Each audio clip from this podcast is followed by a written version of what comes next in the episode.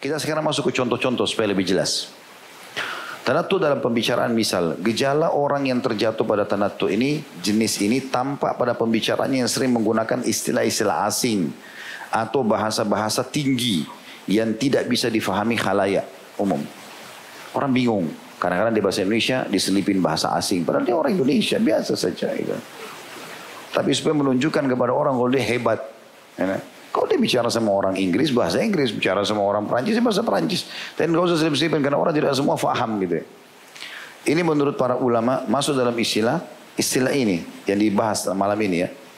Jadi gejala orang yang terjatuh dalam tanatu jenis ini tampak pada pembicaranya yang sering menggunakan istilah-istilah asing atau bahasa-bahasa tinggi yang tidak semua orang fahami. Dia juga terbiasa membahas tema-tema yang masyarakat tidak mampu mencernahnya. Tujuan mereka tidak lain sekedar menampakkan keterpelajarannya, membanggakan tingkahkan pemahamannya, atau menampakkan dirinya sebagai sosok orator ulung atau ahli bahasa. Itu contohnya.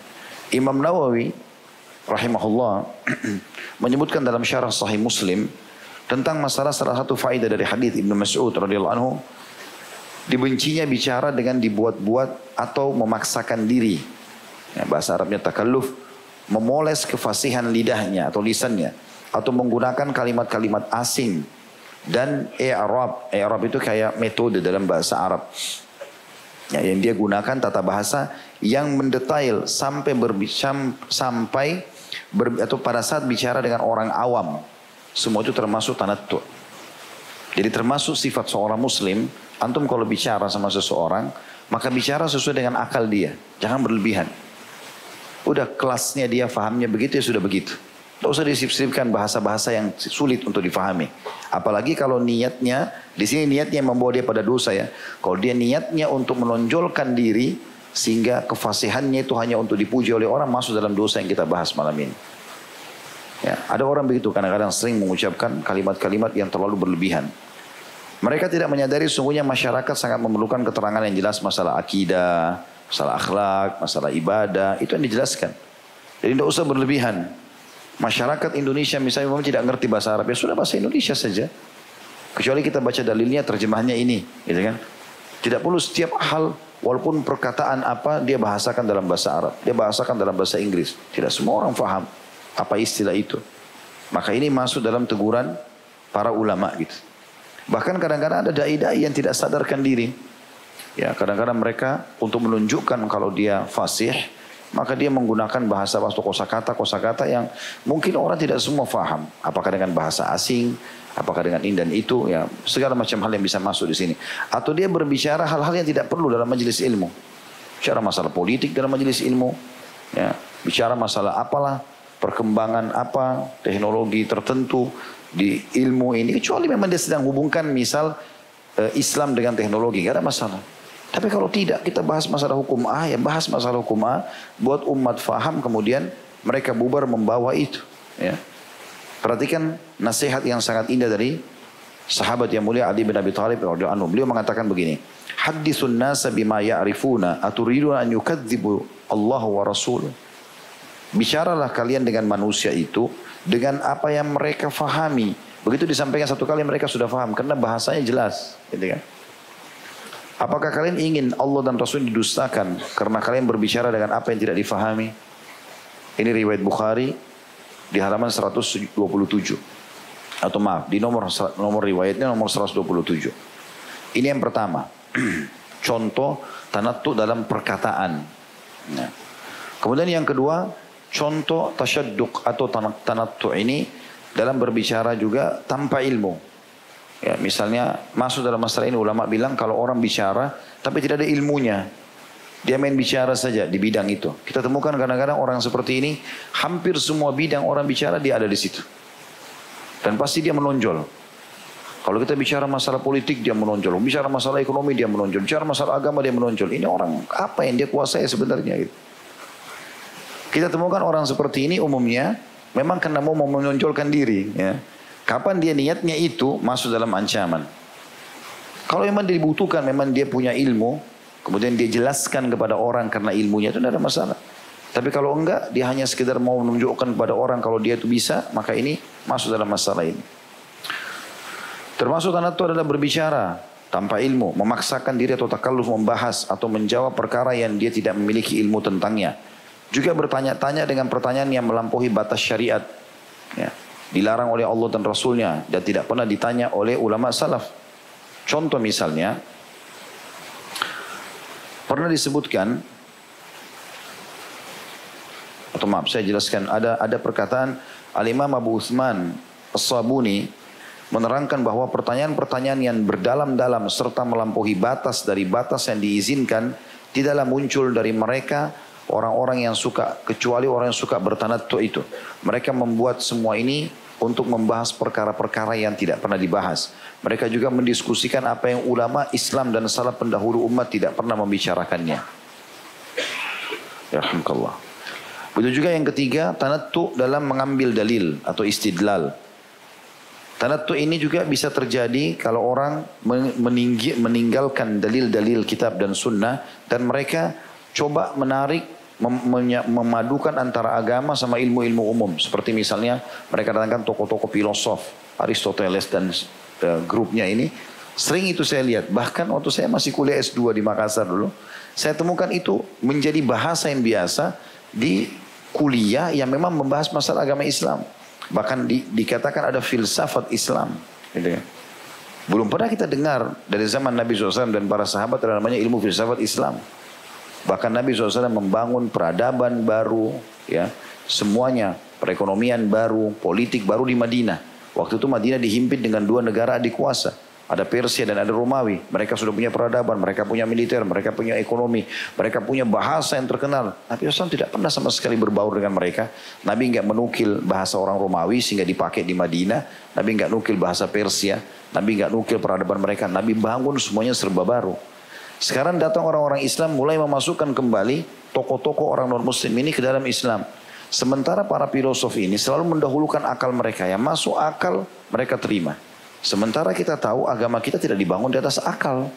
Jadi tidak bisa ketemu ini. Gak bakal bisa ketemu. Maka orang-orang yang menggunakan teori filosof dalam kehidupan dia, apa yang masuk dalam akalnya dari Al-Quran, dari hadis dia terima. Yang tidak masuk akal dia tolak. Maka akhirnya gara-gara dia berlebihan dalam poin ini, malah berarti kata dia coba memaksakan masuk tokoh-tokoh orang non muslim yang tadinya memang tidak punya Tuhan. Para filosof ini kepada hukum Allah SWT hanya tertolaklah semuanya. Padahal agama kita tidak bisa pakai akal. Semua yang disampaikan Allah dan Rasulnya. Masuk akal, tidak masuk akal kita terima. Makanya Ali bin Abi Thalib mengingatkan dalam statement yang masyhur hadis Abu Daud di nomor 162 lau kana din birra'i lakana asfal al-khuffi awla bil mashi min a'lah wa qad ra'aitu Rasulullah SAW yamsahu ala zahiri khuffaihi seandainya agama ini dibangun di atas akal harus masuk akal dulu baru diterima tentulah bagian bawah khuf. Khuf itu semacam sepatu kulit atau kaos kaki kulit dipakai khusus di musim dingin biasanya. Kalau zaman dulu memang dari kulit hewan langsung. Kalau zaman sekarang sudah mulai banyak apa e, sintesisnya atau memang memang kulit asli juga ada. Tapi sekarang juga ada pakai resleting biasa di Madinah Mekah kalau musim dingin ada.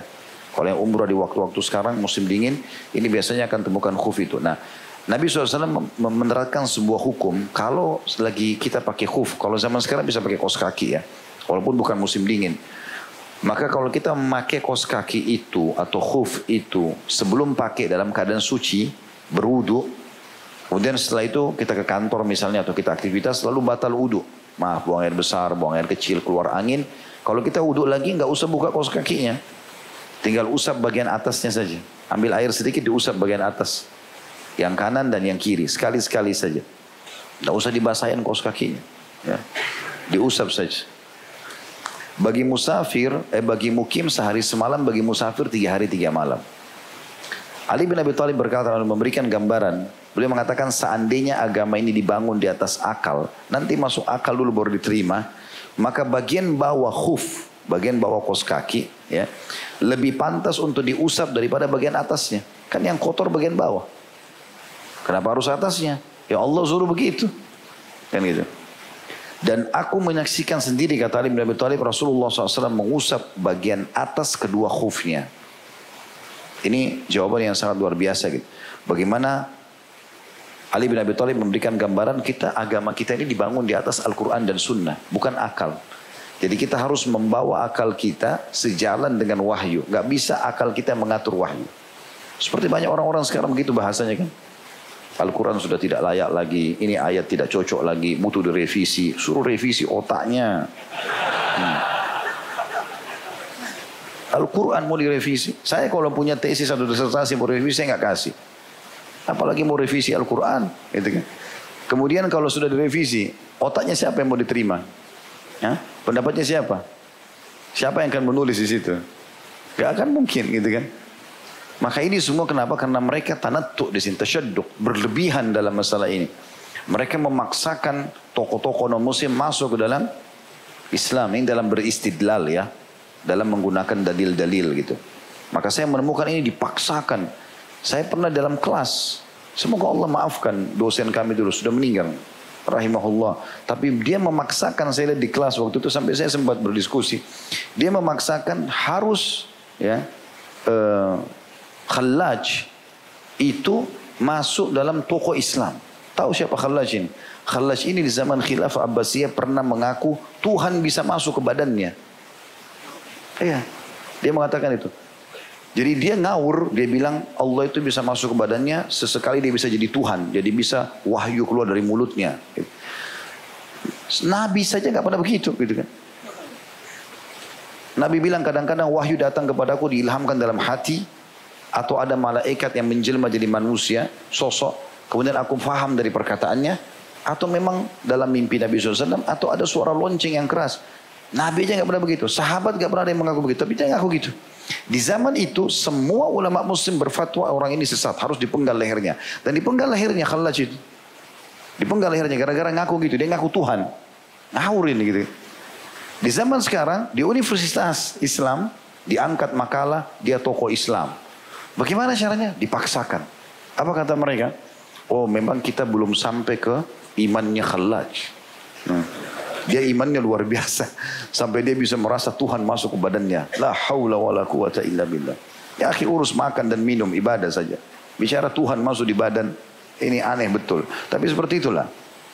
Ini contoh saja. Orang kadang-kadang berlebihan dalam masalah seperti ini. Yang keempat. Ada juga tanah atau tasyadduq dalam ibadah. Seseorang melampaui batas di syariat yang disyariatkan dalam ibadah, baik dalam jenis, tata cara, ukuran, waktu dan tempat. Gitu kan. Dan ini sudah diingatkan oleh Nabi SAW, diingatkan oleh para sahabat. Gitu kan. Abdullah bin Umar, Umar pernah marah ya, dan berlepas diri dengan orang-orang yang menolak takdir. Jadi setelah Nabi SAW meninggal, muncul kelompok-kelompok yang mengaku Islam, mereka menolak takdir. Kayaknya nggak mungkin terjadi itu. Kayaknya nggak mungkin begini dan begitu. Maka Ibnu Umar menyampaikan kepada murid-muridnya yang diriwayatkan oleh Imam Muslim di satu halaman 36. فَإِذَا لَكِيتَ أُولَٰئِكَ فَأَخْبِرْهُمْ أَنِّي بَرِيءٌ مِّنْهُمْ وَأَنَّهُمْ بُرَآءُ مِنِّي وَالَّذِي يَخْلِفُ بِهِ عَبْدُ اللَّهِ والذي يحلف به عبد الله بن عمر لو أن لأحدهم مثل أهل ذهبا فأنفق ما قبل الله منه حتى يؤمن بالقدر jika engkau bertemu berkata kepada salah satu muridnya pada kelompok-kelompok ini nanti yang menolak-nolak takdir, gak mungkin, gak masuk akal, apalah karena tidak masuk di akal dia, sampaikan bahwasanya aku berlepas diri dari mereka. Artinya tidak pernah ada ajaran dari Nabi.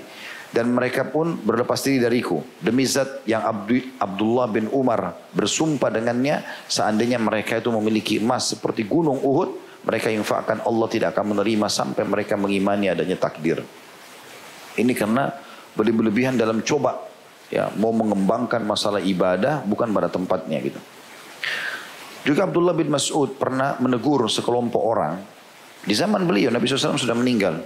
Rupanya ada orang yang duduk pegang kerikil, banyak kerikil di tangannya sambil berzikir.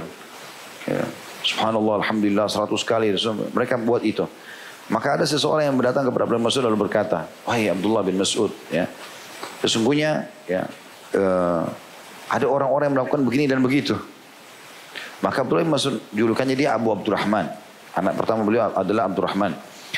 Maka dia langsung datang ke sana lalu mengatakan, apa yang kalian lakukan ini?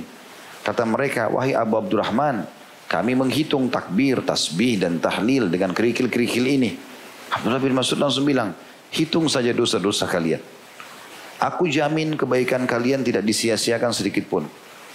Kalau yang buat yang benar, pasti akan diterima pahalanya. Tapi hai umat Muhammad, Abdullah Masud bilang pada saat itu. Betapa cepatnya kalian celaka nih. Betapa cepatnya kehancuran kalian. Bukankah sahabat Nabi kalian masih banyak hidup? Dan pakaian Nabi kalian masih belum hancur? Masih ada. Rumahnya Nabi, bajunya Nabi masih ada. Gitu kan. Demi zat yang jiwaku berada di tangannya, apakah sungguhnya, apakah sungguhnya yang kalian lakukan ini berada di atas agama yang lebih baik daripada agama Muhammad? Atau kalian memang telah membuka pintu-pintu kesesatan? Artinya belum maksud bilang, saya di zaman Nabi gak pernah lihat ini loh. Orang kumpulin kerikil, terus kemudian berzikir dengan kerikil itu. Tidak pernah ada ini. Apa jawaban mereka? Demi Allah wahai Abu Abdurrahman, tidaklah kami inginkan melainkan kebaikan. Niatnya baik, berzikir gitu. Maka kata Abdullah bin Mas'ud berapa banyak orang yang menginginkan kebaikan akan tapi tidak mendapatkannya. Ini disebutkan oleh Ad-Darimi di halaman 146. Artinya kita walaupun niatnya baik tetapi kalau tidak sesuai dengan ajaran agama maka tidak bisa. Itu masuk dalam berlebihan. Menambah-nambah yang tidak diperlukan. Itu maknanya juga semakna dengan ini. Umar bin Khattab ini pernah yang tadi saya bilang kisahnya itu. Pernah memukul seseorang yang bernama Sabiq At-Tamimi. Siapa Sabiq At-Tamimi ini? Orang ini terkenal, dia dari luar Madinah. Selalu dia berusaha kalau ketemu orang, dia coba, dia cari ayat-ayat Al-Quran. Tujuannya untuk membuat orang bingung. Allah bilang begini, kisahnya begini, apakah ini benar? Dia coba masuk ke dalam alam itu gitu. Terus saja dia bertanya-tanya dan berdalam dalam masalah yang tidak pernah dibicarakan oleh para sahabat. Sahabat pun tidak pernah nukil itu. Nabi juga nggak pernah bicara masalah itu. Ad-Darimi menukil kisahnya, dia mengatakan bahwasanya Sulaiman bin Yasar pernah berkata, seseorang yang bernama Sabik datang ke Madinah di zaman kerajaannya Umar radhiyallahu anhu. Dia dikenal banyak bertanya-tanya ayat-ayat mutasyabih atau yang samar. Orang tidak semua tahu dan memang tidak ditanya.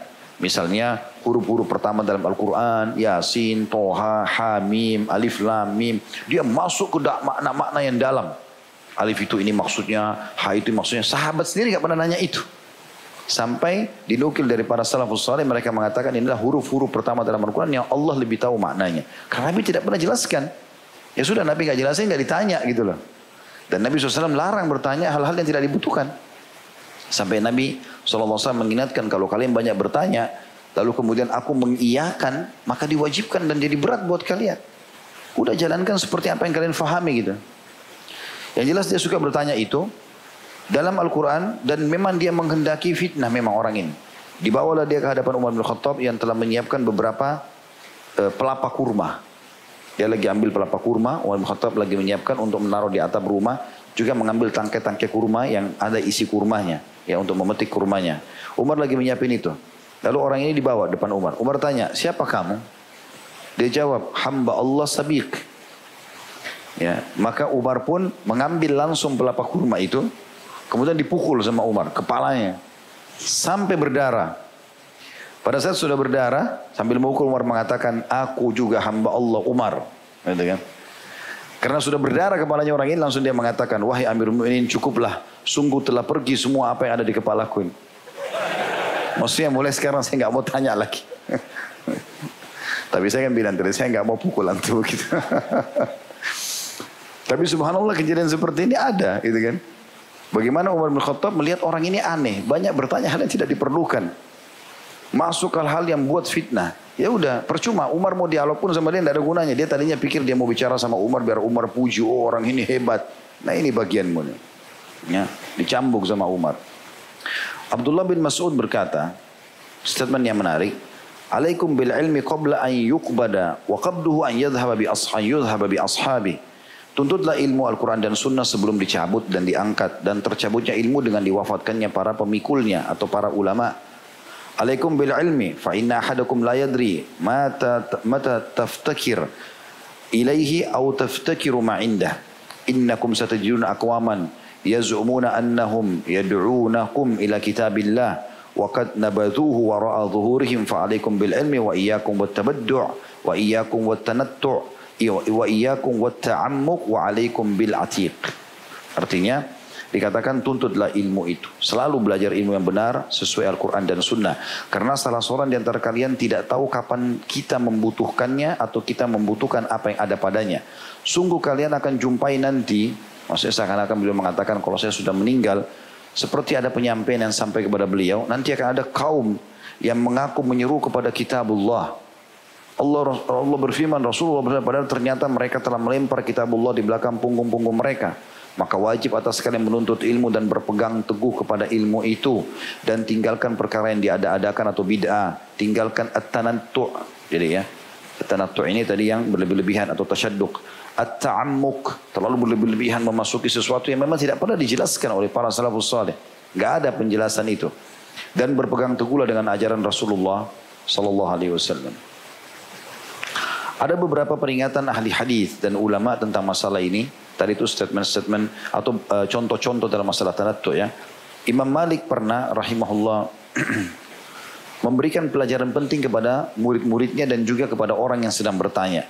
Kebetulan beliau lagi ngisi pengajian, lalu datanglah seseorang, lalu dia mengatakan pada saat uh, Imam Malik membaca firman Allah dalam surah Toha ayat 5, Ar-Rahmanu alal arshistawa, Allah beristiwa di atas arsnya, maka ada yang tanya, Wahai Malik.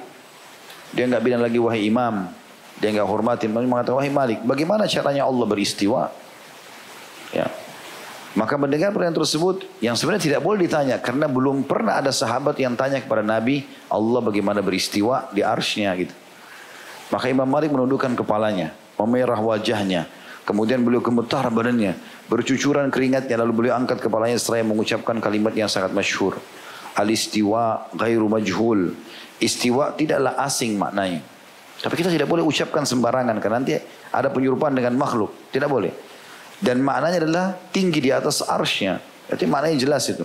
Wal kaif ghairu ma'lum. Adapun bagaimana istiwanya tidak diketahui karena tidak pernah dinukil. Wal imanu bihi wajib. Mengimani tentang Allah beristiwa adalah kewajiban. Wassual anhu bid'ah. Menanyakan itu adalah perbuatan bid'ah dalam agama. Wa ma adraka wa ma araka illa dhalla. Dan aku tidak lihat kecuali kau adalah orang sesat. Dan Imam Malik menyuruh orang-orang mengeluarkan dari majelisnya. Jadi pertanyaan ini berbahaya sekali. Menanyakan kenapa. Apalagi Allah ini. Kalau sudah masuk kepada hak kausalitasnya Allah lalu ketanya kenapa Allah ciptakan malam dan siang. Kenapa ada laki-laki dan perempuan. Kenapa begini, kenapa begitu. Masuk terinci sampai ke hukum-hukum Allah nanti. Kenapa tolak di tangan laki-laki, kenapa perempuan berhijab, kenapa babi diharamkan, kena banyak hal. Ini tidak perlu ditanyakan. Allah haramkan terima. Masuk akal mau atau tidak kan begitu. Itu orang beriman. Maka itu yang dimaksudkan di sini. Juga pernah terjadi dalam sebuah asar. Ada seseorang yang bernama Yazid bin Harun. Ini salah satu ulama hadis yang masyhur ya. Dia dipercaya dalam meriwayatkan hadis. Dia pernah menukil kisah sebuah riwayat dari Jabir tentang Jabir bin Abdullah. Tentu ada beberapa sanad hadisnya saya ringkaskan saja Jabir bin Abdullah pada saat ditanya tentang ru'yah atau melihat Allah ya. Jadi orang ini Yazid bin Harun pernah menjelaskan tentang riwayat ya, Jabir bin Abdullah pada saat menjelaskan masalah melihat Allah pada hari kiamat yaitu bunyinya begini yang kata Nabi SAW innakum tanduruna ila rabbikum kama tanduruna ila al-qamari lailatul badr sungguh kalian pasti akan melihat Rabb kalian pada hari kiamat sebagaimana kalian melihat bulan purnama maka tiba-tiba orang itu berdiri ada orang berdiri dan mengatakan wahai Abu Khalid ini julukannya Yazid bin Harun tadi apa maknanya ini? Maksudnya kita akan lihat Tuhan kita hari kiamat. Meminta rincian bagaimana melihat Allah nanti. Maka marahlah Yazid. Gemetar ia. Lalu berkata, betapa miripnya kau dengan Sabik. Tadi yang nanya-nanya macam-macam. Mau nanya sama Umar, terus Umar cambuk gitu kan. Kata eh, Yazid, betapa miripnya kau dengan Sabik. Betapa butuhnya kau diperlakukan seperti Sabik. Celaka kau ini. Siapa yang siapa yang mengetahui bagaimana kita melihat Allah nanti? Nabi tidak pernah jelaskan. Nabi coba bilang, karena akan lihat Tuhan kalian seperti lihat bulan purnama. Tapi tidak pernah Nabi jelaskan lebih jauh masalah itu. Sahabat juga kepada nanya, bagaimana bentuknya, bagaimana cahayanya, di mana tempatnya. Tidak pernah sahabat tanya. Ya sudah jangan ditanya, seperti itulah. Maksudnya seperti itu. Maka dia katakan celaka kalau siapa yang mengetahui bagaimana kita melihat Allah nanti. Siapa yang dibolehkan untuk melampaui batas dari ucapan Rasulullah SAW. Nabi nggak jelasin berarti tidak ada yang perlu bertanya. Karena itu berbahaya kalau dia bertanya. Siapa pula yang boleh berbicara sekehendaknya. Melainkan seseorang yang menghinakan diri dan agamanya sendiri. Dari statement ini tentu diambil juga pelajaran penting bahwasanya seseorang tidak boleh sembarangan dalam bertanya. Tapi kita kembali ke bahasan kita. Bahasan kita adalah uh, lebih fokus ke mas tadi kan itu penjelasan secara umum tentang berlebihan. Tapi di sini yang dimaksudkan adalah berlebihan dalam mengumpulkan kosakata. Lebih lebih lebih lebih fokus tadi ke poin pertama ya yang saya jelaskan tadi yaitu bagaimana orang memilih kosakata asing menirip-niripkan bahasanya atau menggunakan apalah ya retorika yang akhirnya membuat kesannya dia sangat fasih untuk menarik perhatian orang lain. Dan itu yang ditekankan oleh uh, Syekh Muhammad Wahab Allah alam dalam masalah dosa ini. Sebelum melanjutkan pertanyaan saya sempat melihat bab yang setelahnya di halaman 50 dalam buku kita ini. Sebenarnya bahasan ini sudah pernah dibahas di kitab Al-Kabari Imam Az-Zahabi rahimahullah. Tapi saya melihat seperti ada hubungannya dengan materi ini. Yaitu tentang masalah perdebatan yang sengit. Ya. Mungkin masuk dalam masalah ini adalah orang yang berlebihan, mengangkat suaranya, menunjukkan keperkasaannya. Mungkin seperti itu juga masuk dalam ini ya. Karena di sini ada sabda Nabi atau Aisyah dari Aisyah anha diangkat atau dibahas secara marfu Nabi SAW bersabda inna. Sebenarnya ini disebutkan secara marfu berarti tidak disebutkan Nabi SAW. Inna abghadar rijali ilallahil aladdul khasim. Sesungguhnya lelaki yang paling dibenci oleh Allah adalah orang yang paling keras penentangannya. Jadi ini pernah kita jelaskan dulu.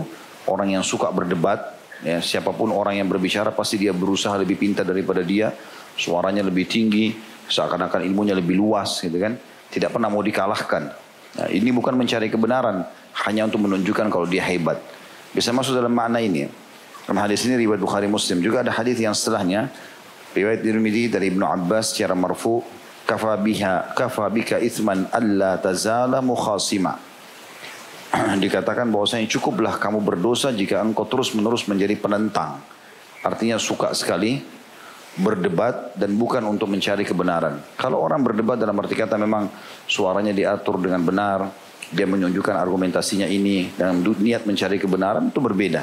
Karena para ulama salaf pernah ada yang berdebat bersisi pendapat tapi tidak sampai pada tingkat menunjukkan kehebatan atau menjatuhkan orang lain ya atau sengaja meninggikan suara untuk menunjukkan kehebatannya, eh, keperkasaannya dan seterusnya. Allahu a'lam. Baik insyaallah kita ketemu lagi seperti biasa Rabu depan باذنillah taala. Subhanakallahumma bihamdika asyhadu an la ilaha illa anta astaghfiruka wa atubu ilaik.